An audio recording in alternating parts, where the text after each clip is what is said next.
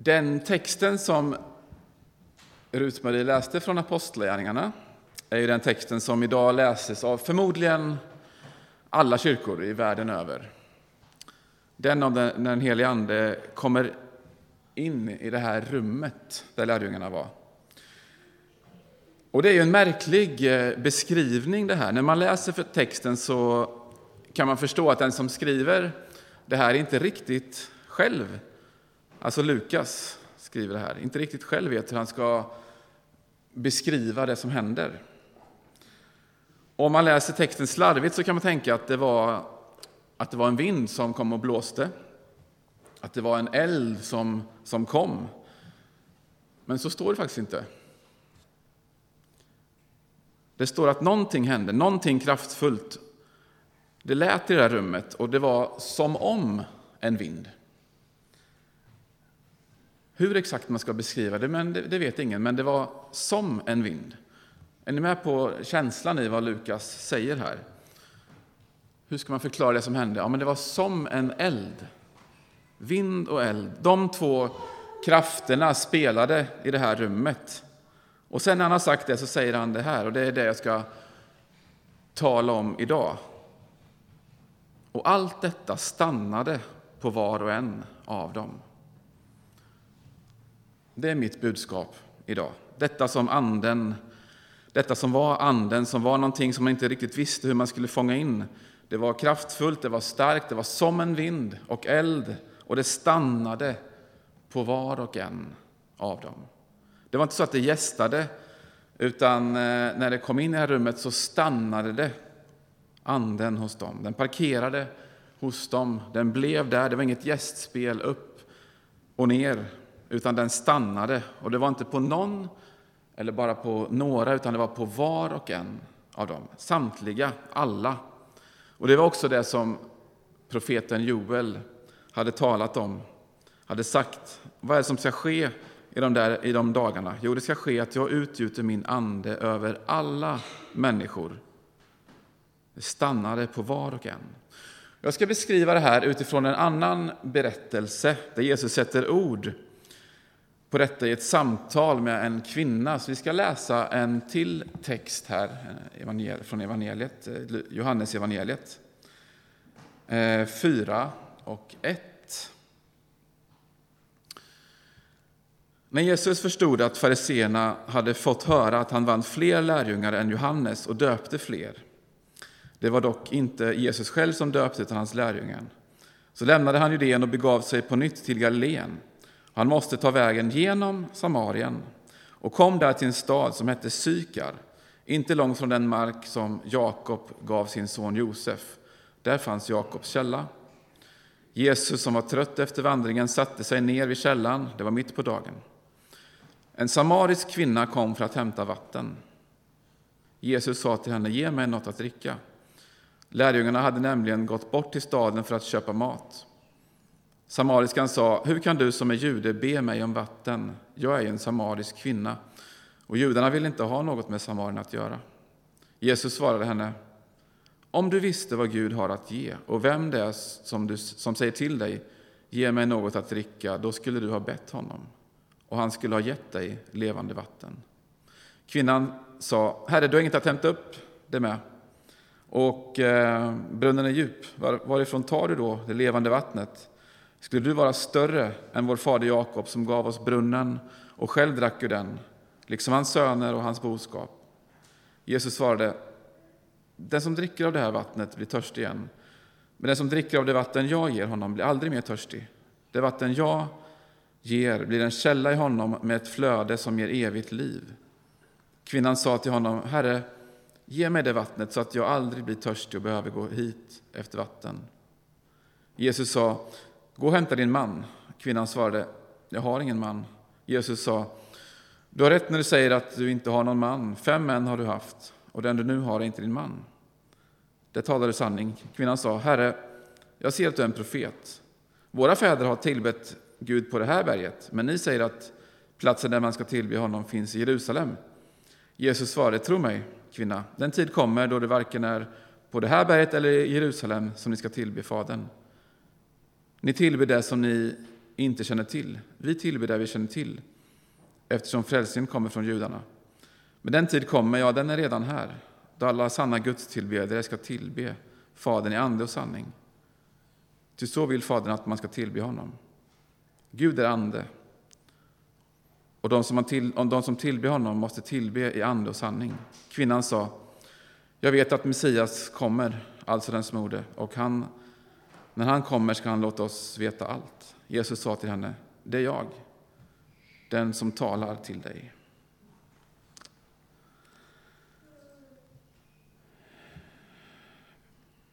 Herre, tack för ditt ord.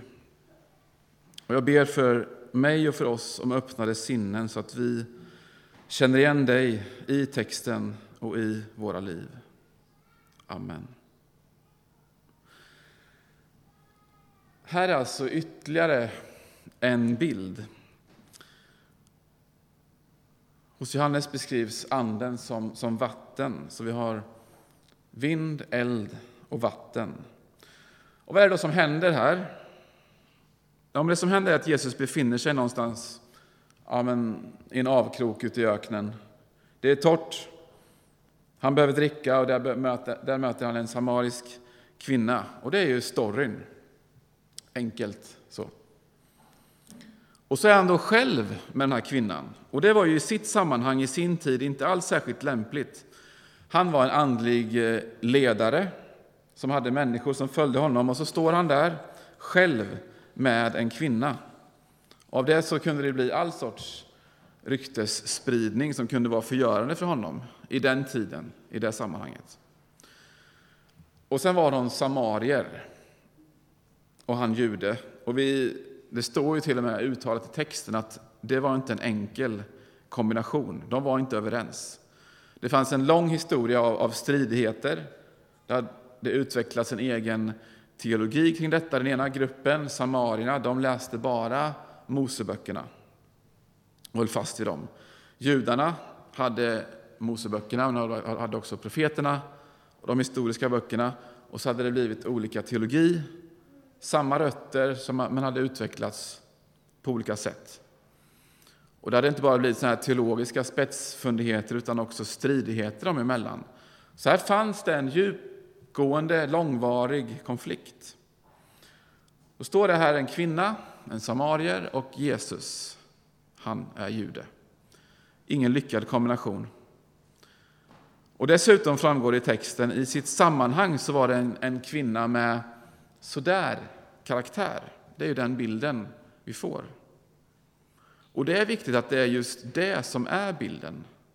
Därför att det är med henne, just med henne, som Jesus inleder ett samtal om vatten. Om vatten som ande och liv. Med vem kan han inleda ett sådant samtal? Ja, vem som helst. Därför att när anden kommer och stannar så stannar den på var och en. Vem som helst, alla människor.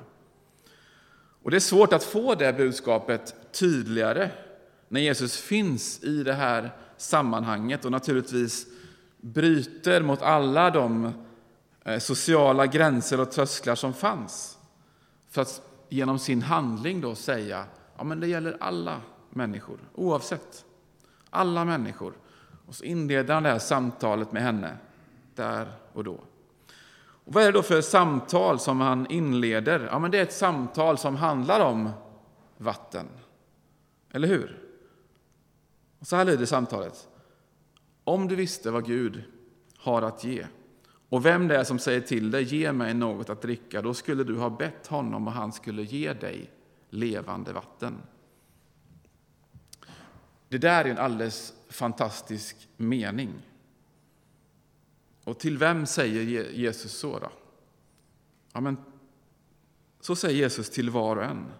Så säger Jesus till alla människor, oavsett vem man är, vart man är. Så kommer han och så inleder han ett samtal med alla oss. Och så säger han, om du vet vad Gud har att ge, om du visste det, vem du än är, om du anade vem jag var, Ja, Jesus, så skulle du ha bett mig. Och den som ber mig, den ger jag. Det finns liksom inga villkor kopplade till det här överhuvudtaget. Den som ber Jesus, den får detta. Och vem är det som skulle be Jesus om detta? Ja, om man bara visste, om man bara anade, om man bara hade fått någon liten smak om vad Gud har, faktiskt har att ge. Alltså, det är allt du behöver. En längtan, en önskan, en aning om att det finns någonting, något som han har att ge dig. Be och du ska få.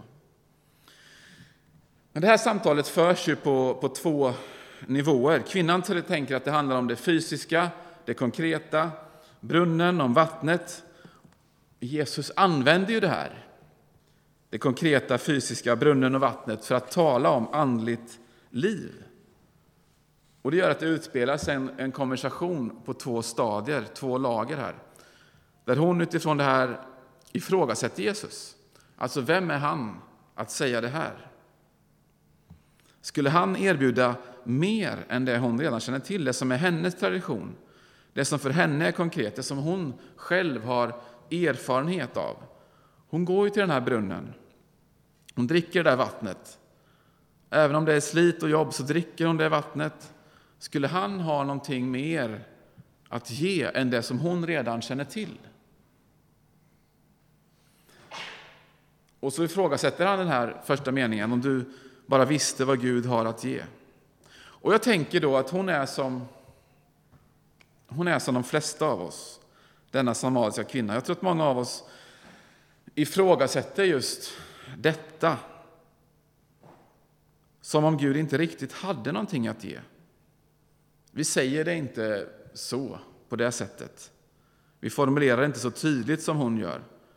Men jag tänker att vi kanske med våra liv så formar vi ofta ett sånt ifrågasättande som om Gud inte riktigt hade mer att ge.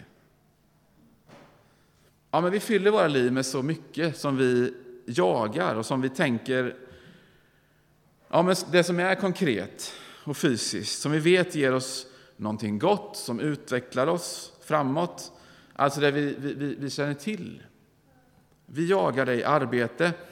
Om jag bara gör ett, ett, ett, bra jobb så får jag större förtroende. Och allt det, det gör ju någonting gott med oss. Det bekräftar oss. Ja, men så lyfter det livet lite, eh, ännu lite grann och så får man kanske familj. Och då tänker man att man vill ha en optimal familj. Så barnen får det optimala livet. Där barnen får alla de bästa förutsättningarna. Och så skapar man det och så fyller man det med det som är konkret fysiskt, det som jag känner till. Och så jag vet gör någonting gott med mig. Så man, och så, så, så kanske man tänker kring allt, kring, kring relationer, kring pengar, det man äger, kring hus, hem, båt, bilar. Och det här ger oss en positiv feedback. Det mättar oss. Och det gör det. Det gör det. Men det är väl bara det att det finns, inte finns något stopp. Det kan alltid bli lite mer, det kan alltid bli lite bättre, mer optimalt, en större bil, en större båt, ett annat hus, en annan familj. Det kan alltid bli mer. Och det finns ingen gräns, det tar inte slut. Och jag vill inte raljera över det här eller moralisera över det. Utan det, det här är någonting gott. Jagandet, det är en del av våra liv som också är gott. Därför att det utvecklar oss och hos några av oss boostar det en energi, en rastlöshet. Det tar oss vidare, det får oss att utvecklas och upptäcka nya saker. Så vad är det då jag säger? Jo, men jag säger är att om vi konstruerar hela vårt liv, allt vårt jagande och all vår utveckling till det vi redan känner till, det som är fysiskt, tydligt, konkret, så är det inte så konstigt att man till slut dövar liksom det som är andligt och inte riktigt påtagligt på en gång. Det, som inte riktigt, eh, det är som att det inte riktigt får plats. För att livet är så fyllt av det vi söker, strävar och, och jagar. Vi fyller våra veckor med så mycket att när vi kommer till söndagen, när man skulle kunna mötas som vi gör nu, bara sätta sig och ta emot av Gud som du har gjort. Så orkar man inte med det, man är så trött av, av allt som man jagar efter att man inte längre orkar ta emot av Gud. Man behöver vila från sina projekt åtminstone någon dag eller två för att sen på det igen. Det är inte säkert att det räcker bara med att vila från, från det som är gott. Och hör ni att jag säger det? Att det är gott också. Men det är inte säkert att det, det, det räcker med att, att vila sig i form, att bara koppla av och sen på det igen. Utan det kan, det kan vara så att du behöver koppla av, du behöver vila, men också att du behöver koppla på någonting. Det kanske är det som också vill till, att koppla på. Det kräver sitt, sin form och sitt utrymme. Att faktiskt kunna bli stilla och ta emot. Alltså om jag är så, så laddad med allt som jag vill göra att jag inte orkar bli stilla och ta emot, då blir mitt agerande ett ifrågasättande på något sätt av det som Gud har att ge. Om du visste, om du bara visste vad Gud har att ge, då skulle du be mig. Och skulle du be, så skulle du få. Och då säger Jesus så här, alltså den som dricker av det här vattnet, det som är det fysiska, konkreta, det som är bra, det som jag måste göra, den som låter det vara innehållet i en vecka, den blir törstig igen och igen och igen. Det tar aldrig slut. Du kommer aldrig i mål på det spåret. Men den som dricker av det vatten han ger blir aldrig mer törstig. Det är ett annat spår, ett djupare spår. Och den som dricker av det vattnet blir en källa med ett flöde i oss som ger evigt liv. Det är inget dåligt erbjudande. En källa i oss. Alltså ingenting som kommer på ett tillfälligt besök och sen lämnar, ingenting vi går dit för att få, utan någonting som stannar, parkerar, blir en källa hos vem? Hos var och en, hos alla. Det är det som Gud har att ge. Så min fråga idag till oss är hur konstruerar vi vårt liv? Hur planerar vi vårt liv? Hur ser en vecka, en dag, en månad, ett år ut så att också vi i det livet orkar ta emot vad Gud vill ge. Och någonstans i berättelsen här nu så känner den här kvinnan, jag vet inte riktigt vad han talar om, men jag vill ha det. Eh, ge mig det vattnet. Och då händer något väldigt speciellt. Då säger Jesus, vad säger han där? Hämta din man. Eh, och det är ju så knäppt egentligen. Han kunde ju bara säga, ja men varsågod, här får du. Men det gör han inte. För det var ju det han sa, att den som ber, han ska få detta. Och så kom en sån mening, hämta din man. Ja, säger hon, mm, jag har ingen man, eller ja. Och så kommer det här fram då. Och det är klart att han visste det.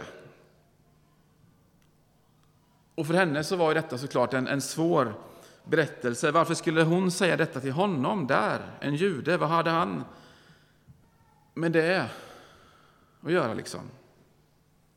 Och kanske var det här en del av hennes jagande, av hennes bekräftelse, sökande.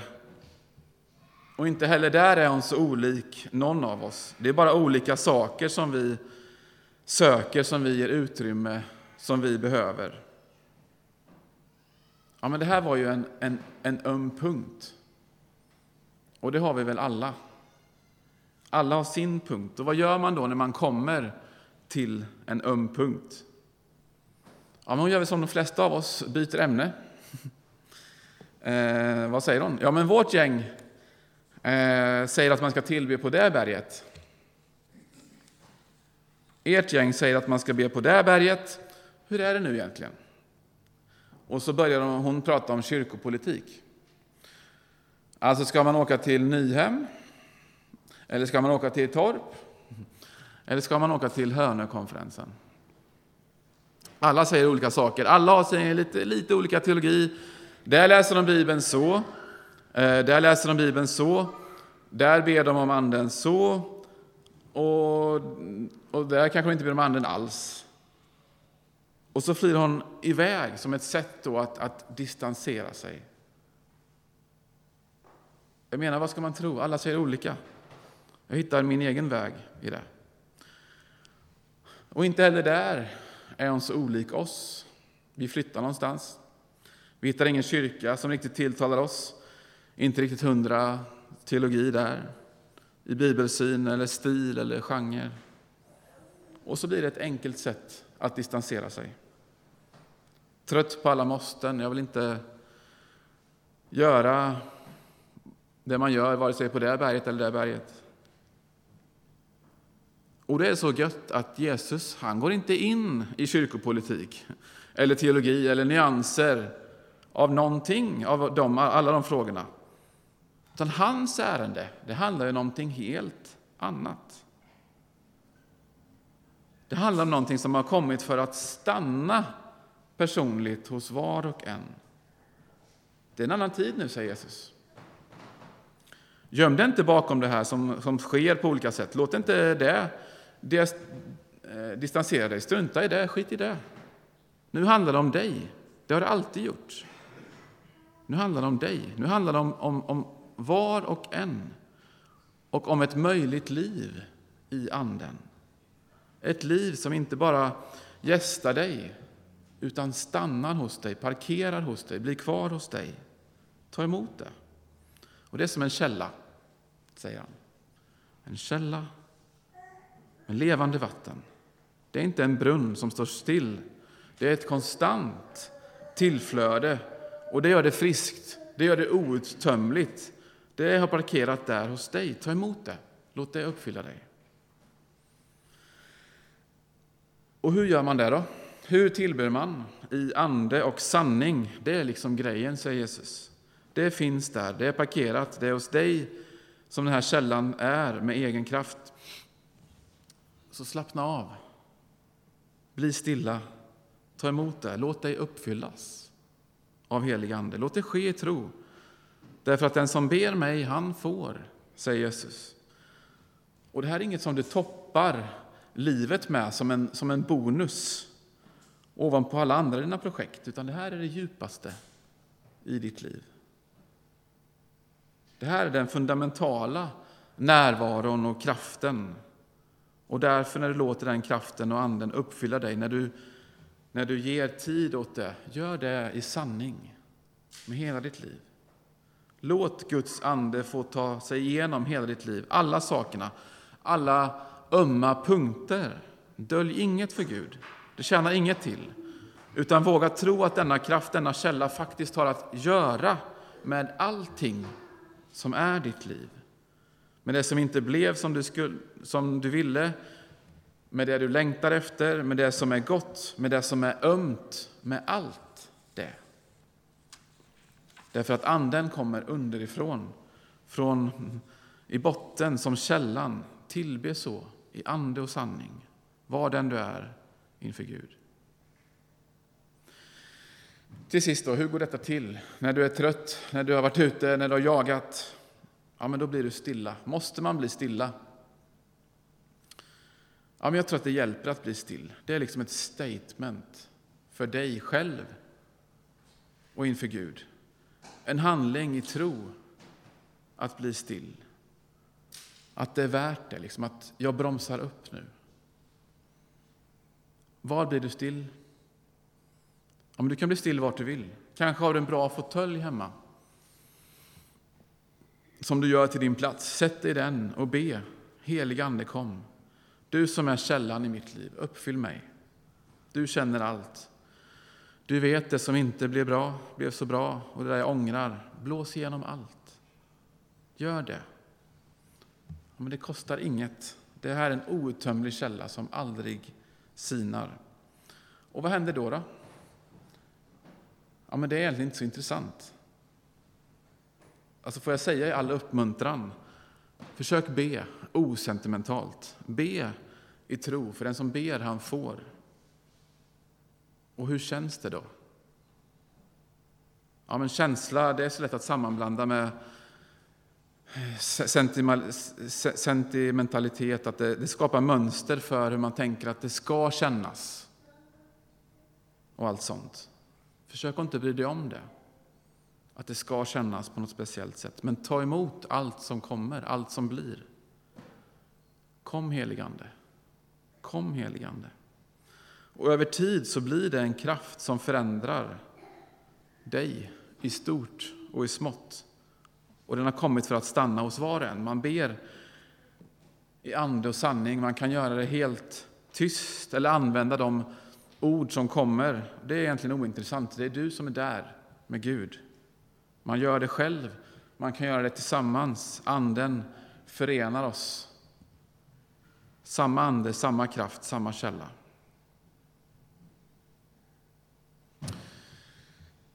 Ska vi ställa oss upp? Och så ska jag be den här korta bönen. Och om du vill så, eh, så sträck ut dina händer. Inte för att du tar emot någonting som, som att du står där med tomt kärl, utan för att det är en handling i tro. Att den källan som genom tron på Jesus Kristus finns hos dig, den är här för att stanna, att den får uppfylla dig. Att den helige Ande får rum. Vill sträcka ut händerna som en handling i tro. Tro är att jag vill detta, jag önskar detta. Du kan göra vad du vill som för dig betyder tro. Helige Ande, nu ber vi Jesus Kristus. Vi tackar dig för vind och för eld och för levande vatten. Tack helige Ande för att du inte gästspelar. För att du inte bara är här och sen inte när vi går, utan för att du har kommit för att stanna hos var och en. Tack för att du är livet, kraften, kärleken. Kom heligande. Uppfyll den som ber. Amen.